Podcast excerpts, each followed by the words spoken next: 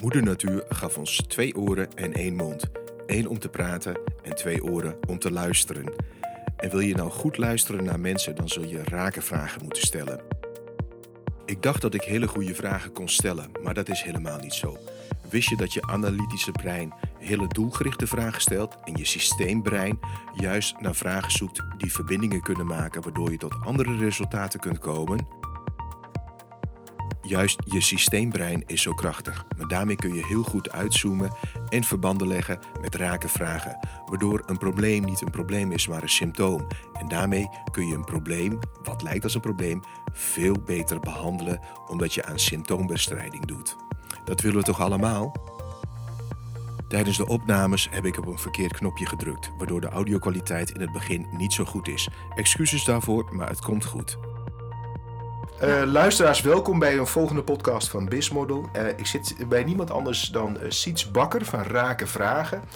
En nou ben ik een beetje met knikkende knieën hier naartoe gereden, Siets. Want ja, ik, ik ga de, de koningin van Rake Vragen ga ik zelf interviewen. dus je, je ziet erbij al hangen dat ik natuurlijk gezonde twijfels heb en gezonde nervositeit. maar niet iets minder waar. Dus ik wil jou sowieso danken dat je mee wilt werken. Dankjewel voor je uitnodiging. Ja, en we zitten helemaal corona-proof in mensen, want we nemen het op midden in de coronatijd. We zitten keurig anderhalf meter van elkaar, maar we zien elkaar wel, dus dat is gewoon uh, heel erg prettig. Dus nou ja, als het goed is hebben jullie mijn podcast gevolgd en uh, ken je wel en weet je wel wie ik ben. Maar ik wil het woord aan Siets geven van Siets, wie ben je en wat doe je allemaal? Ja, dankjewel Darminder dat je hier wilde komen en dankjewel voor de uitnodiging. Uh, mijn naam is Siets Bakker, ik ben organisatieadviseur. Ik ben dat eigenlijk al heel erg lang. Um, en dat is best wel bijzonder, want de eerste paar jaar dat ik werkte als organisatieadviseur waren echt verschrikkelijk. Ik werkte voor een bureau met echt geniale collega's. Die mensen waren grappig, ze waren slim, ze waren ad rem, ze waren, pff, ze waren alles wat ik niet was in mijn ogen. Dat was echt al de Champions League waarvan je dacht van, eh, kom ik, daar wel? Uh, wanneer gaan ze doorhebben dat ik niet bij hun hoor? Weet je zo, dat gevoel, ja, ja, dat heb ik uh, echt een paar jaar gehad. En gek genoeg uh, ben ik niet weggegaan. Normale mensen zouden zeggen: hey, dit is niet voor mij, ik hoor hier niet bij, ik vertrek.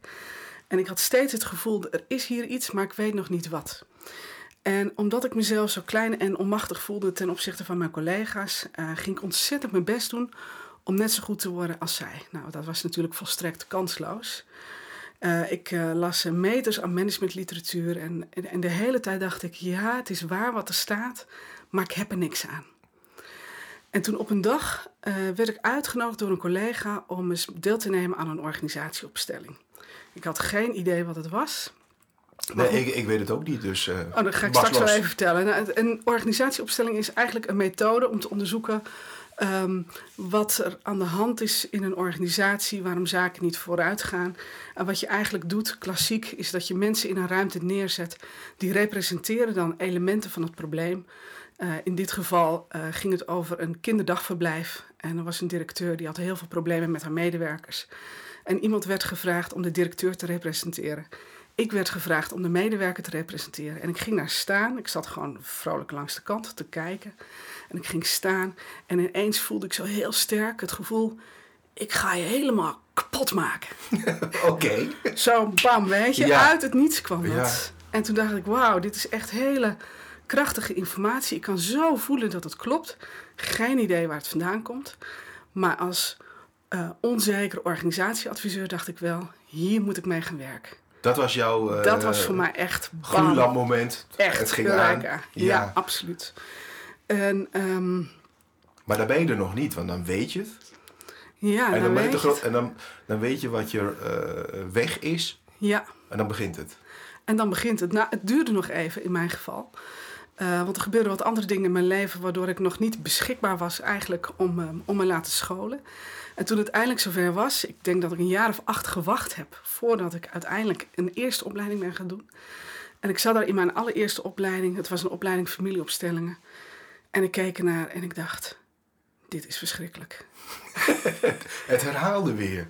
Dit is verschrikkelijk, dacht ik. Het herhaalde weer. En wat vond ik nou zo verschrikkelijk? Ik vond de vorm van opstellingen super interessant. De kennis vond ik interessant. Maar ik dacht echt als organisatieadviseur, hoe ga ik nou naar een directie komen en zeggen: Ik heb een goede oplossing, namelijk een opstelling.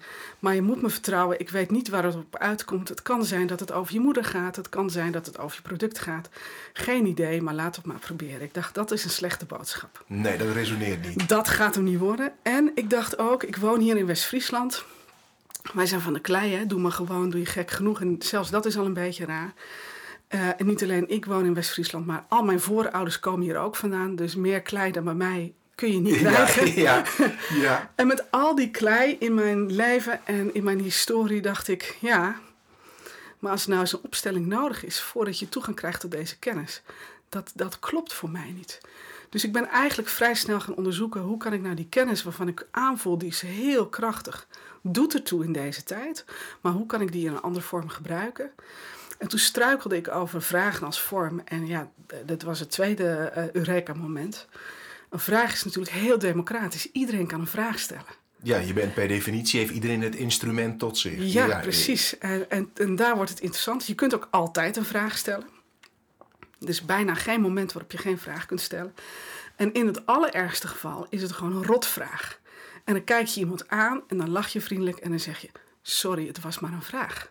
Ja, ja. ja. Dus uh, vragen als vorm zijn voor mij echt ja, zo, zo um, heerlijk om te gebruiken, omdat ze democratisch zijn, omdat ze toegankelijk zijn, omdat ze niet mijn beeld van de wereld en mijn mening en mijn analyse en mijn diagnose op jou projecteren, maar ze nodigen jou uit om naar iets te kijken en met iets te verbinden. En is dat ook de reden waarom um, goede vragen ook eigenlijk raak zijn? Omdat juist je niet vooringenomen bent. Hè? Want normaal de doelvragen die bijvoorbeeld heel erg in management consultancy worden gesteld, ja. die, die, die gaan er meer vanuit van nou, ik heb een methode en ik ga jou overtuigen dat mijn methode goed is. Ja. Ja, ik maak eigenlijk geen onderscheid tussen uh, goede vragen of slechte vragen. Of wel raken vragen of niet raken vragen. Boeit me eigenlijk allemaal niet zo. Ik denk wel dat er um, verschillende bronnen zijn van vragen. Dus de ene bron komt uit je analytische brein. En dat zijn het soort vragen waarop je informatie wilt hebben. Dan moet je gewoon, weet je, de data hebben, de voorbeelden, de volgorde, het plan heb je nodig. Dat is een soort vragen wat je nodig hebt. Als ik met mijn boekhouder spreek, dan uh, spreken we vanuit onze analytische breinen. En dan gaan we gewoon op die manier naar de cijfers kijken. En een ander soort vragen, ik noem ze rakenvragen, die komen voort uit je systemische brein. Die gaan over iets heel anders. Die gaan over verbindingen. En op het moment dat je praat over verbindingen, heb je dus geen voorbeelden meer nodig. Dan ga je eigenlijk veel meer uitzoomen en dan ga je kijken waar hoort het bij waar ik nu mee te maken heb. En er verandert dus de situatie wat in je analytische brein een feit is, ja. wordt voor je systemische brein wordt een symptoom. Ja, ja, ja. En dan verandert dus de betekenis. En als organisatieadviseur zie je dat natuurlijk heel veel. We worden veel ingehuurd om een probleem op te lossen. Maar als een probleem eigenlijk een symptoom is van iets anders, waar je gemakkelijk achter kunt komen door ook een ander soort vraag te stellen, dan heb je dus met iets heel anders te maken. Nou, dat, je slaat de spijker op de kop, want de hele wereld is langzaam ingericht op uh, uh, diagnoses en rapportages en weinig ja. uitvoering, hè? Uh, executie. Want ja. daar wordt heel, uh, verhoudingswijs te veel tijd aan uh, besteed. Het geeft wel een lekker gevoel van controle. Dus als je het ja. lekkere gevoel van controle nodig hebt, dan zit je daar goed. Ja. Maar als je echt beweging wilt creëren, uh, dan kom je meestal niet zo ver, omdat veel van de feiten eigenlijk symptomen zijn die deel zijn van een patroon. En worden wij in Nederland in het onderwijs wel genoeg opgeleid om goede vragen te stellen in het onderwijssysteem? Want dat vind ik dan wel eigenlijk best wel boeiend. Want uh, we, we, worden in Nederland geacht dat we heel kritisch zijn. Mm -hmm. uh, volgens de buitenlandse, Europese andere landen zijn we heel lomp en direct vooral. Mm -hmm. hè? Ja. Maar ja, dat is allemaal hartstikke mooi. Maar als je, als je nog steeds niet de juiste vragen stelt, dan uh, voegt dat niet zoveel toe. Maar worden wij in Nederland daar wel goed in begeleid of onderwezen om, om kritisch te zijn op goede vragen te stellen? Ja, ik, voor mij de goede vraag de juiste vraag, dat boeit niet zoveel. Het hangt een beetje vanaf waar je op uit bent.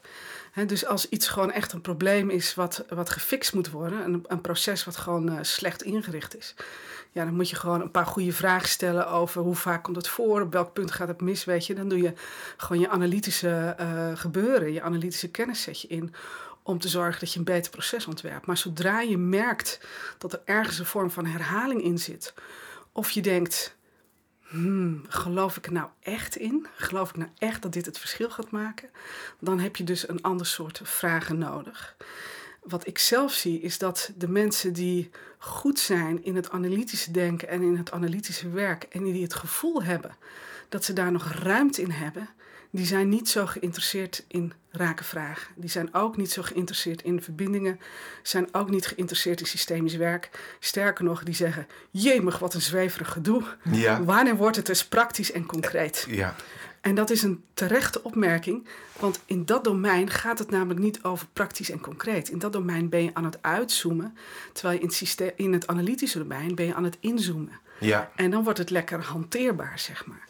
Dus mensen die nog het gevoel hebben dat er nog iets te halen valt in het analytische domein, um, die, um, ja, die hebben niet zoveel interesse. Veel van onze scholing is gericht op goed worden in het analytische domein.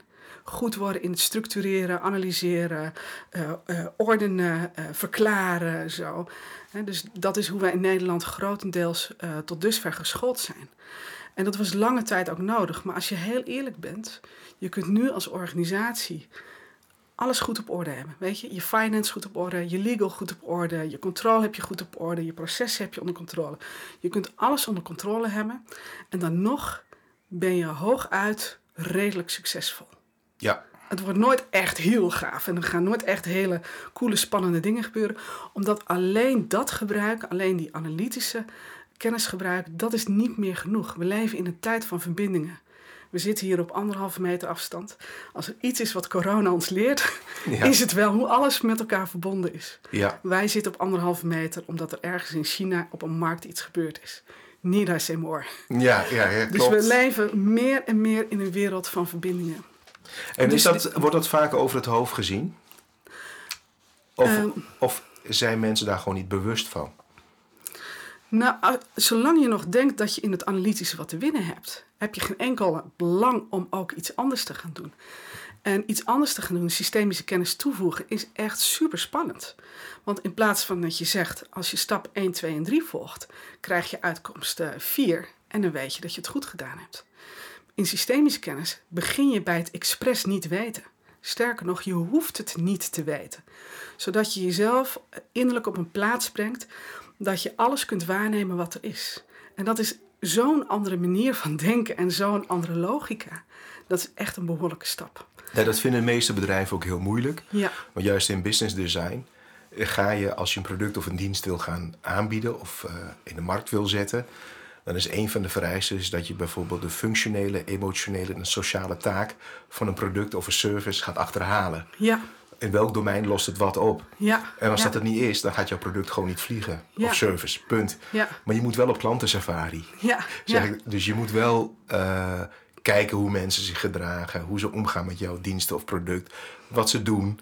Ja. Uh, en, en dan komen soms echt hele bijzondere dingen naar voren. Dat je denkt van, hé, dat hadden we nooit verwacht dat uh, klanten dat zouden doen. Ja. En dan, dan, dan, dan moet je wel heel veel loslaten. Want je bent natuurlijk heel analytisch ingericht van, we hebben een plan we gaan uh, marketing inrichten, we richten de verkoop in en we gaan een product of service verkopen. En dan komen ze na 18 maanden achter van shit, het werkt niet. Ja, en de beste safaris krijg je, de beste klantensafaris krijg je als je helemaal aan het begin bereid bent van binnen om alles wat potentiële klanten er wel en niet mee doen, om alles wat ze er wel en niet van vinden te horen. Ja. En te voelen. En als je zegt, uh, dit is het, het stukje waar het wel over mag gaan. En dat is het stukje wat je niet mag vragen. Ja. Nou, houd het op. Dan, dan, dan kun je al niks doen met elkaar. Ja, ja. ja, ja. En is het um, uh, eigenlijk een, een tool om ook verandering teweeg te brengen? Hè? Want je schrijft heel duidelijk in jouw boek... ja, je, je hebt twee processen. Je hebt veranderen en je hebt bewegen. Ja. En organisaties die worstelen daar heel veel mee. Hè. Van vanuit het veranderen is natuurlijk het hele change management uh, is, is groot geworden. Met allerlei, ook heel veel, daar kun je trouwens wel heel veel boeken op uh, vinden. Volgens mij is er heel veel over geschreven. Over change management, maar niemand heeft uiteindelijk de sleutel. Um, wat is het verschil tussen bewegen en, en veranderen? En ja, wat is jouw ervaring in, eh, binnen organisaties? Ja, het is eigenlijk heel simpel. Veranderen begint gewoon met een plan dus je, doet, uh, je maakt een analyse, je zegt ik wil van A naar B. Welke stappen zijn nodig tussen A en B en hoe weet ik dat ik de goede kant op ga? Dus je bedenkt, je plant hoe het straks gaat zijn en je voert keurig netjes dat plan uit. Uh, en dan kom je uiteindelijk kom je uit op een punt B of uh, B.0 of zo, iets in die orde. En dan kijk je terug en dan zeg je, nou we zijn tevreden, want we hebben ons plan goed uitgevoerd. en het werkt voor heel veel dingen. maar zoals gezegd, je bent op zijn best redelijk succesvol als je het zo doet. Uh, bewegen uh, gaat niet uit van een plan, maar bewegen maakt, uit, maakt gebruik van de verbindingen die er van nature al zijn. Hoe het van nature goed gaat. Er gaat van nature ongelooflijk veel goed.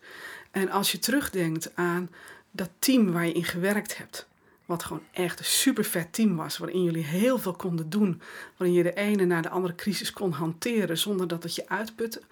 Of je denkt aan die leidinggevende, uh, die directeur waarvoor je gewerkt hebt, waarvoor je echt alles deed en dat het gewoon een plezier was. Hè? Ook al was het tien jaar geleden, als je eraan terugdenkt, word je gelijk weer blij. Of uh, dat product wat ineens onwijs goed ging lopen op een markt die je helemaal niet voorzien had, dat gaat over, dat gaat over verbindingen. Dat, zijn, dat bewoog vanzelf zonder dat jij daar je best voor deed.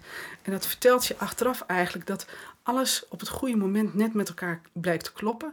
En als je vanuit beweging werkt, hoef je dus niet je wilskracht, je volharding, al je energie erop te zetten, maar werk je vanuit wat er al is. En het allermoeilijkste ervan is, als je zo goed bent in veranderen, is dat je niet begint met een plan. Ja, dan laat je het gebeuren. Dan laat je het gebeuren. Ja. En in veranderen zeg je eigenlijk: ik heb iets, daar wil ik van af of ik wil ergens uh, naartoe. En met bewegen zeg je: wat is er mogelijk? Maar wat gebeurt er dan bij organisaties die dan uh, de verkeerde instrument, het bewegen, inzetten om te veranderen? En als je veranderen inzet om te bewegen, dan, dan wordt het natuurlijk weer anders. Maar wat zijn dan valkuilen die, dan, uh, die jij tegenkomt? Uh, valkuilen zijn er eigenlijk een paar. Uh, een hele belangrijke valkuil is als een probleem ehm, niet als een probleem eigenlijk een symptoom is, maar het mag geen symptoom zijn. Ja. Dus een verrotte cultuur, een, een, een hele autoritaire directeur die. ja, dus, dus veel problemen als productieverlies of ziekteverzuim of uh, doorstroom op sleutelposities. Dat wordt vaak als een probleem benaderd dus uh, een doorstroom op een sleutelpositie. We moeten onze search moeten we beter doen.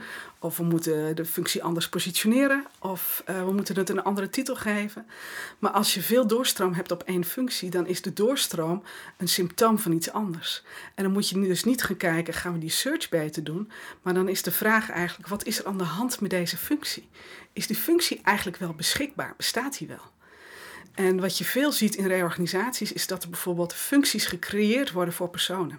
Ja, dat is vaak doen, dat, dat is vaak gedoemd om te mislukken. Want mensen vage functies geven zonder daadwerkelijk concrete uh, invulling daaraan en, en, en resultaten. Ja dat dat mislukt altijd? Nou ja, en die invulling, weet je, die kun je lopenderwijs nog wel verzinnen. Hè? Dus het begint met een soort van projectachtige iets, eh, met, een, met een opdracht. En dan zo gedurende de tijd wordt er wel wat werk bij verzonnen.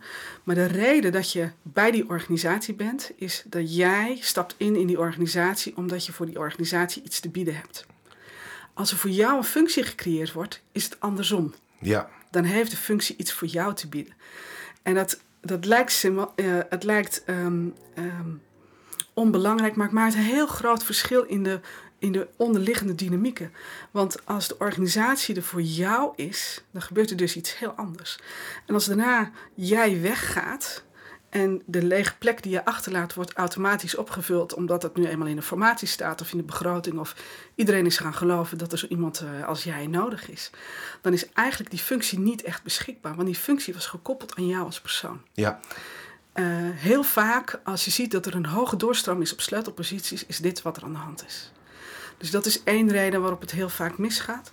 Een andere waarop het heel vaak misgaat is als um, op het niveau van het leiderschap de persoonlijke verhalen van de leiders, hun eigen uh, issues, zo gezegd, uitgewerkt worden in de organisaties.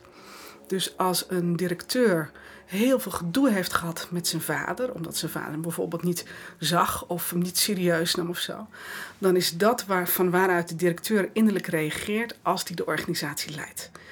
Uh, en dus spreekt die mensen aan op die manier, trekt die mensen aan die daar goed op mee om kunnen gaan. En creëer je dus eigenlijk je eigen gedoe. En daarom is het zo belangrijk dat je op dat soort functies zo goed weet wie je bent en waar je vandaan komt. Ja, en, gaat hij gaat die, uh, vluchten, bevriezen of uh, vechten? Ja, hè? ja, bijvoorbeeld, ja, zo kun je het ordenen. Ja, ja, dat is een ordening. Ja.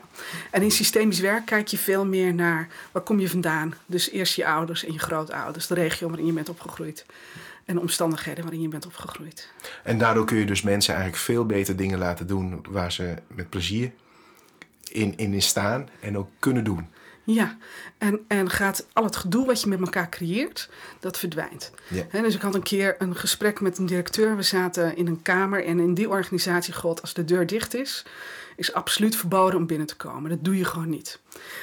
Nou, wij zitten in het einde van ons gesprek. We waren een beetje klaar, dus zo spannend was het niet meer. En ineens zwiept de deur open. En er komt een van zijn managers binnen. En die komt met een of andere terugkoppeling over iets. En ik denk, oh ja, dat is interessant. Wat gebeurt hier? Want dit is, dit is echt uh, raar wat er gebeurt. En ik kijk naar hoe de directeur reageert. Ik denk, vindt hij het spannend? Zit hij hierop te wachten? Nou, het zag er niet zo uit. En uh, dan vraag ik me af, wat is nou de goede reden dat deze manager zo binnenkomt lopen? Waarom doet hij dit? Terwijl hij weet, verstandelijk, dat het echt onhandig is. En ik denk ik in mijn hoofd, in welk verhaal is het logisch dat deze man dit doet? Ja. En ik keek naar die manager en ik dacht, hoe ziet hij eruit? Wat, wat, wat, wat ontmoet ik hier in deze manager? En hij was weer weg en ik zei die directeur, tegen die directeur, ik ga iets heel geks tegen je zeggen. Je mag het gelijk vergeten. Maar volgens mij, als deze manager naar jou kijkt, ziet hij eigenlijk zijn vader. Ja, hoe reageerde hij? En die directeur was, die was echt helemaal stil. En die zei, shit, je hebt gewoon gelijk. En doordat hij ineens die verbinding legde, kon hij een nieuwe betekenis geven aan het gedrag van die manager. En hij vertelde dus dat hij steeds hele ongemakkelijke gesprekken had met die manager. En dat die manager de hele tijd bila's wilde en van alles en nog wat. Goedkeuring kwam halen over de meest onzinnige dingen. Waar die directeur natuurlijk helemaal niet op zat te wachten. Maar wat die manager dus eigenlijk deed, was vanuit de verbinding met zijn vader een behoefte die hij daar had in die relatie projecteren op die directeur. Iedere leider kent dit. Iedereen die ooit leiding heeft gegeven weet hoe je medewerkers soms op jou projecteren wat ze gemist hebben bij een van hun ouders. Ja. En je voelt het, maar je hebt er geen woorden voor. Daar gaan deze vragen over, daar gaan deze kennis over. En zo sta je toch altijd in verbinding met je verleden. Hè? Ook altijd. al zit je in een toppositie, altijd. je krijgt altijd ja. weer op een presenteerblaadje terug. Ja, en gelukkig maar, want er valt zoveel te halen.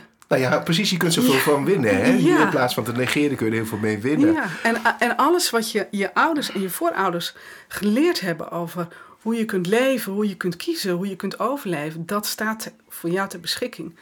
Uh, op het moment dat je het onder ogen durft te zien. En als het, uh, maar hoe kun je nou goede signalen opvangen dat dit speelt? Want dat, ja, raken vragen stellen. Uiteraard, maar goed, dat is ook een proces. Dat moet je leren, dat moet je heel veel oefenen. Maar zijn er nog andere signalen waardoor je het kunt zien? Ja, het zijn er eigenlijk drie. Dus je doet eigenlijk altijd gewoon alles analytisch. Mm -hmm. He, dus dat is gewoon standje default. Behalve, uh, de eerste is als je merkt dat je met een patroon te maken hebt. Dus als je denkt, hé, hey, ik, ik werk me een slag in de ronde, maar ik kom niet echt verder. Dat heet een patroon. Mm -hmm. En dan zit je het ene probleem op te lossen, er komt er een ander probleem. Dat is wat symptomen doen. En zo weet je dat je met een uh, patroon te maken hebt. Een ander is, um, ik noem het maar eventjes, onderbuikgevoel. Dus als je ergens iets in je lijf hebt zitten dat denkt van, shit, maar ik heb hier gewoon echt geen zin in.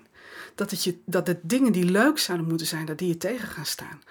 Of dat momenten waarop je van jezelf weet, dit zijn momenten waarop ik echt helemaal blij word en ik ga stromen en ik sta te popelen en dan heb je dat niet. Dat is informatie. Dat is je lichaam die reageert op systeeminformatie. Um, het is ook de vraag, ik stel me heel graag als uh, organisatieadviseur in de, in de meetings die ik heb met uh, directies en MT's. Als ze dan met zo'n plannetje komen, dan kijk ik ze aan en dan laat ik het even stil worden en dan zeg ik, geloof je dat dit gaat werken? Gewoon echt van binnen. En ik wil alleen je allereerste eerlijke antwoord. En als ergens er iets in jou is dat niet gelooft dat het gaat werken, dan moet je dat serieus nemen. Want anders zit je poppenkastje met elkaar te spelen. Ja, ja, dat ja. doen we niet meer. Dus de, dus de eerste is patroon. De tweede is iets in je lijf of in je onderbuik.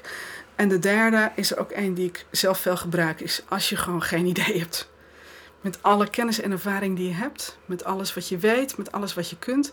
En als je dan toch geen idee hebt waar te beginnen, begin dan niet analytisch, maar ga een beetje uitzoomen en kijk naar de verbanden. Onderzoek. Ja, er wordt hier een beetje gebouwd in de buurt, dus dat hoor je, kun je misschien horen op de achtergrond, maar dat is uh, geen. Uh, niet, niet schrikken, beste luisteraar. Nee. Dus um, de derde is.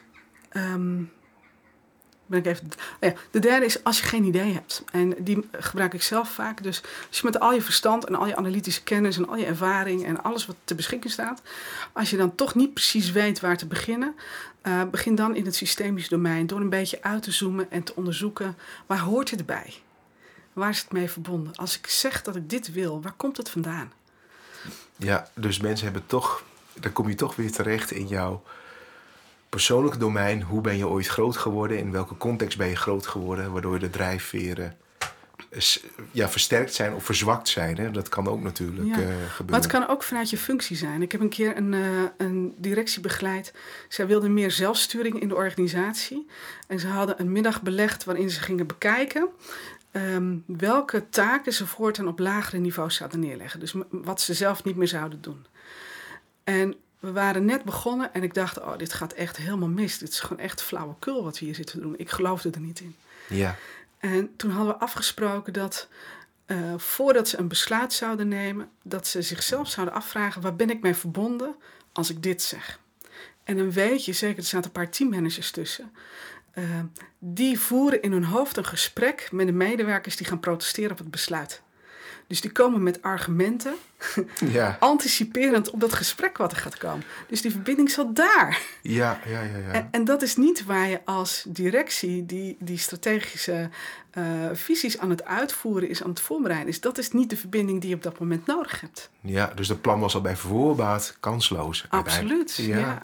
Tenzij ze andere verbindingen hebben. Dus, hè, dus als je een besluit neemt vanuit de verbinding met je visie, wordt het een heel ander verhaal. Ja, Mooi gezegd, uh, Siets. Uh, de tijd gaat best wel snel, want we hebben nu alweer bijna 26 minuten op zitten. Oh jee. Ja, dus, en we hebben nog niet alle vragen beantwoord. Dat is helemaal niet erg, want we hebben natuurlijk ook nog een deel 2. Uh, heb ik toch een, een, spontane vraag voor je. Heel veel mensen zitten natuurlijk nu thuis vanwege de corona, moeten thuiswerken. En ja, die hebben ook twijfels, gezonde twijfels, minder gezonde twijfels. Heb jij spontaan een aantal vragen die mensen zichzelf af kunnen stellen om ja, toch wat helderheid te krijgen in de situatie? Of zeker als het gaat om hun carrière, hun beroep, of wat ze nu überhaupt aan het doen zijn, hoe dat uh, er straks uit komt te zien? Ja, er is één kernvraag en dat is waar zet ik het zelf vast? En daar bedoel je mee? En waar zet ik het vast? Bijvoorbeeld um, als je stress krijgt omdat, omdat je thuis zit. Welke gedachten heb je tegen jezelf? Waardoor je de verbindingen, waardoor het vanzelf goed zou kunnen gaan, waardoor je die eigenlijk blokkeert. Als je naar buiten, naar de natuur kijkt, alles wat leeft, beweegt. Ja, zit niks vast. Zit helemaal niks vast. Alles wat niet door mensen bedacht is, beweegt voortdurend. Soms met een snelheid die zo hoog is dat we het niet kunnen waarnemen. Ja. Hè, dus de elektronen. Ja. En soms met een snelheid die zo langzaam is dat we het niet waar kunnen nemen. De platentectoniek van hoe de werelddelen verschuiven. Maar alles is voortdurend in beweging. En daaruit, ja, ik, ben een, een, ik kom uit West-Friesland, dus uh, nuchterder dan dit krijg je niet. In, mijn West-Friese nuchterheid zeg ik dan, dan lijkt beweging me meer natuurlijk dan stilstand. Ja. En als beweging meer natuurlijk is dan stilstand, dan is het interessant als je stress hebt omdat je thuis zit vanwege de coronacrisis, om je af te vragen waar creëer ik mijn eigen stilstand. En een hele grote in deze crisis is uh, dat dingen niet meer zijn zoals dat ze waren. Ja. Dat is een vorm van stilstand. Terwijl als je kunt leven en kunt voelen van, oh ja, het is nu niet meer zoals het is. Ik ga kijken waar het wel kan bewegen. Dan gebeurt er onmiddellijk iets anders. En dat betekent niet dat je geen verdriet mag hebben over dat het ooit anders geweest is. Het betekent dat je jezelf zo organiseert dat je zorgt dat het je goed laat gaan. Nou, dat is een mooie afsluiting van deze podcast. Uh, mensen, dankjewel voor het luisteren. Heb je zelf nog vragen, dan kun je naar uh, rakenvragen.com, als ik het goed zeg. Of je kunt uh, Siets Bakker opzoeken op LinkedIn. Uh, nodig haar zeker uit voor connectie. En dan kun je via haar website of via LinkedIn vragen stellen. Heb je zelf nog vragen over business transformatie? Nou, dan komen we als Jut en Jul bij jullie gewoon langs om jullie te helpen. Dat, dus dat kan ook nog. Um, maar in ieder geval bedankt voor het luisteren en tot de volgende podcast.